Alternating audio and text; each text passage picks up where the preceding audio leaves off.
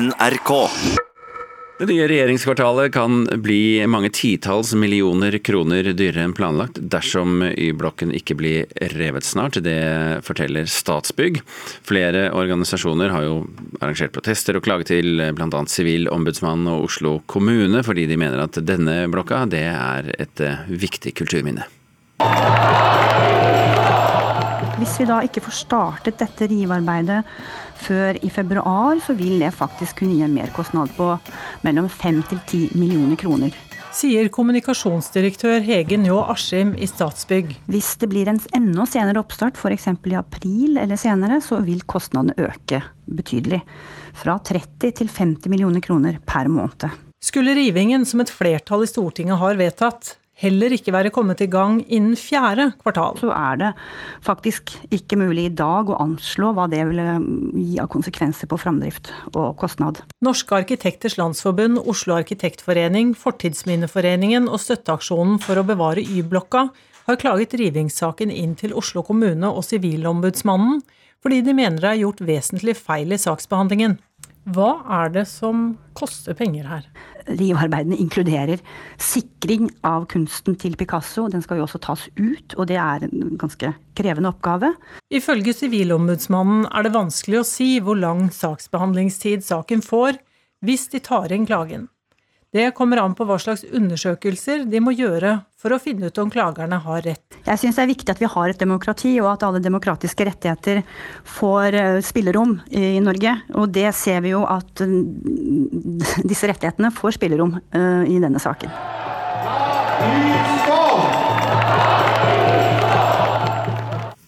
Reporter her, det var Elisabeth Grøndal. Og Kommunal- og moderniseringsdepartementet, som altså har ansvaret for selve rivingen, de ønsker ikke å kommentere denne saken nå. Kulturkommentator her i NRK, Agnes Moxnes, god morgen. God morgen. Hva er grunnen til at Statsbygg har regnet på hva det kan koste med nye runder med utsettelser? Det vil vel synliggjøre at demokratiet koster, da. Og så er det nok et nokså klart signal, også et tydelig signal om at det kan ligge en regning og vente der på dem som nå drar kampen mot riving av Y-blokka ut i langdrag. Mm. Først så tok det jo ett år med flere klagerunder for å få rivetillatelse for Y-blokka. Nå er det altså klaget på vedtaket om å sette i gang med selve rivingen. Hvor lang tid kan dette ta? Meningen var jo at Y-blokka skulle vært revet i oktober, så den er jo allerede tre-fire måneder på overtid. Klagen i Oslo begynnelsen av februar. Så skal det videre til Fylkesmannen, kan vi snakke midten av mars kanskje.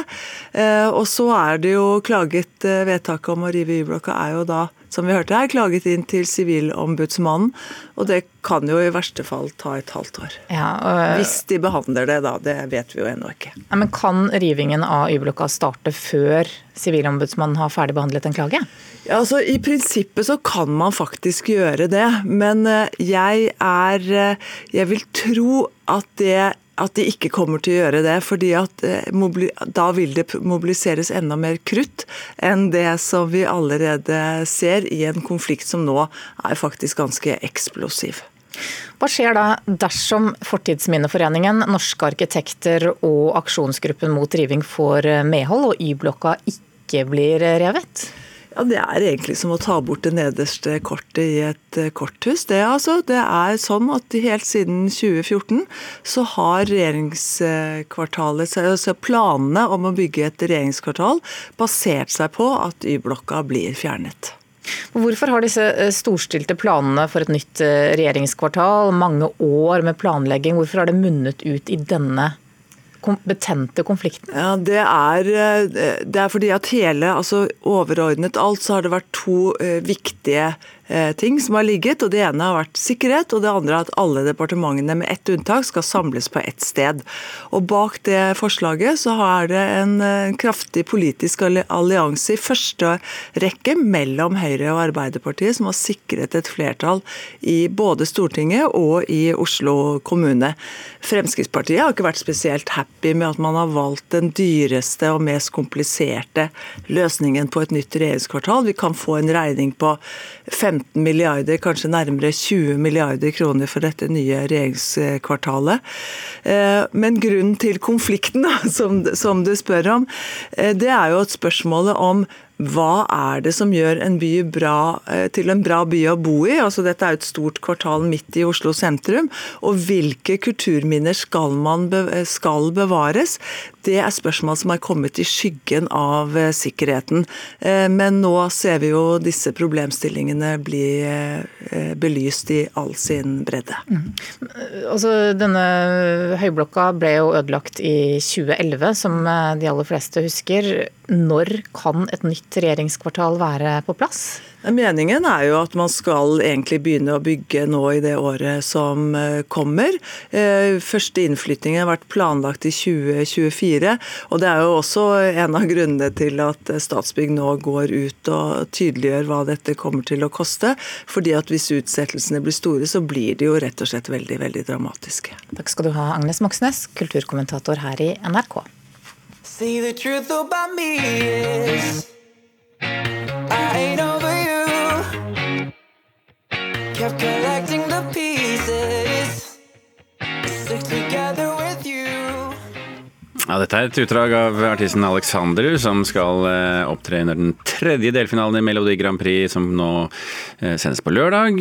Hvem andre på scenen får vi da se, eh, kulturreporter Heder Ørbeck Eliassen?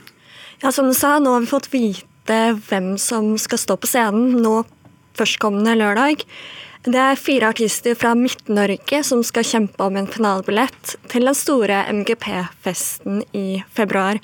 På scenen får vi se Alexandru, som vi hørte et utdrag fra, eh, som var en av medlemmene i et band som het Suit 16, men nå som skal satse som soloartist.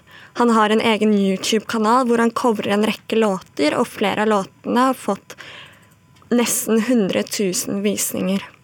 18-åringen Kristin Husøy og 33-åringen Thomas Løseth har vi tidligere sett i talentkonkurransen The Voice. Og vi får også se det trønderske bandet Sie Gubba, et country, country rockband fra Ålen. Ja, De har vært med før? De har vært med før, i 2010. Dette er jo den tredje delfinalen av fem. Betyr det at eh, noen er videre allerede, med andre ord? Ja, eh, vi har sett at Rayleigh sikret seg finalebillett eh, for to uker siden. Og i tillegg, i helgen, så sikret Rein Alexander en finalebillett. Så det er to stykker som er videre allerede, i tillegg til fem artister som har kvalifisert seg fra før av. Mm. Og eh, lørdag så får vi se Akuvi. Det gjør vi, som i desember deltok i Beat for beat. Mm. Har vi melodifan? Eller uh... Det har vi. Ja, Vi kan uh, høre litt. Fra.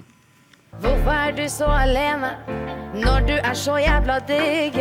Alle mine homies, de ser det. Vil at du skal bli min, yeah. Hvis det var opp til meg, yeah. tar jeg heisen opp til deg, yeah. Trenger ikke gjøre noe ja, Kuvi får du altså se da, når den tredje delfinalen Melodi Grand Prix kommer opp på lørdag.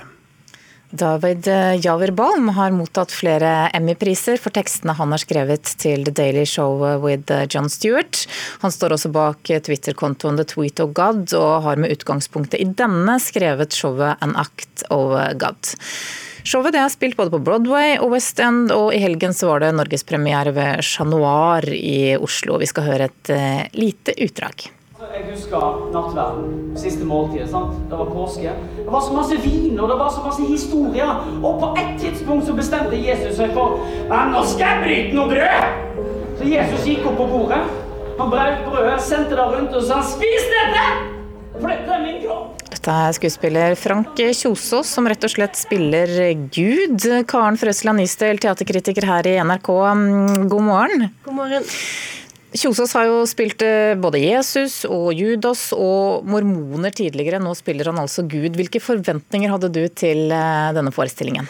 Akkurat til denne så var forventningene ikke så veldig høye, faktisk. For jeg, jeg så for meg eh, et stykke som er skrevet inn i en amerikansk virkelighet, da oversatt til norsk. og det er ikke alltid at, så Jeg tror amerikansk virkelighet og kultur i større grad er prega av konservativ kristendom, kjennskap til bibelfortellinger, Det gamle testamentet osv. Flere referanser, rett og slett, enn en, en vi bruker i vår dagligtale. Og så så jeg vel for meg at det kanskje ikke ble så eksperimentelt. Jeg tenkte gud er en mann, ikke ei dame, og det, det, er bare menn på scenen. Så, så tenkte jeg det blir sikkert et greit show som Kjosås ror i land. Og det ble slik? ja, på sett og vis. Altså, det er et veldig teksttungt show. Det er masse gammeltestamentlige referanser som jeg merker at publikum enten ikke syns var morsomme, eller ikke tok. Jeg, jeg vet ikke hvorfor, men det var veldig lite latter latter i starten. Og Kjosås sleit òg med teksten, måtte ha en del suffli og sånt. Og først da han begynte å leike seg med det, eh, da han begynte å ta det inn i forestillinga, at han trengte den hjelpa, så løsna det, så begynte det å leve. Men det tok ganske lang tid. Altså, det virker som publikum her ikke altså, Historier om Lots kone og, og um, ofringa av Isak og Metusalems høye alder og sånn, at det, det, er jo ikke mer kjent i norsk kultur enn liksom vers tre, fire eller fem på Ja, vi elsker. Eh, så det, det, det var trått. Publikum hang liksom ikke helt med før etter en god stund. Men Hva slags show er det? Hva, hva er det det handler om? Ja, det handler om Gud Fader sjøl, som har bestemt seg for å besøke menneskeheten igjen. Eh, de ti bud er blitt ganske misforstått, og han har lyst til å oppklare litt, litt misforståelse. Gud velger da å ta bolig i skuespiller Frank Kjosås sin kropp og gjør dette som et show. Så Gud kommer da, og med sine reviderte bud har med seg to wingmen som han kaller det, eller erkeengler på scenen, hvorav den ene da har blitt sykmeldt, og komiker Henrik Todesen må steppe inn i all hast. Og her kommer da eh, det lille snevet av relevant religionskritikk inn gjennom Todesen sine spørsmål, men det er, det er liksom ikke brodd nok, det er for tungt. Det er, det er et show som ikke benytter seg av de mulighetene det kunne ha gjort. Hva er Frank Kjosås egentlig best som? Er det som mormoner, Jesus, Judas eller Gud? Ja, Det er noe ikke som Gud, i hvert fall. Jeg tror jeg holder en knapp på mormoner, eh, faktisk. Det har han jo gjort stor suksess som eh, ved Det Norske Teatret tidligere. Så håper jeg jo for dette showet sin del at det spiller seg inn. Eh, det skal turnere i Norge, og da bør de levere bedre enn de gjorde på Chat Noir på fredag.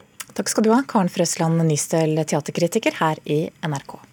Nå skal du få høre om Ben Harry Johansen på Dønna i Nordland, fordi at han fant nemlig et vikingsverd og en 2000 år gammel romersk mynt i åkeren.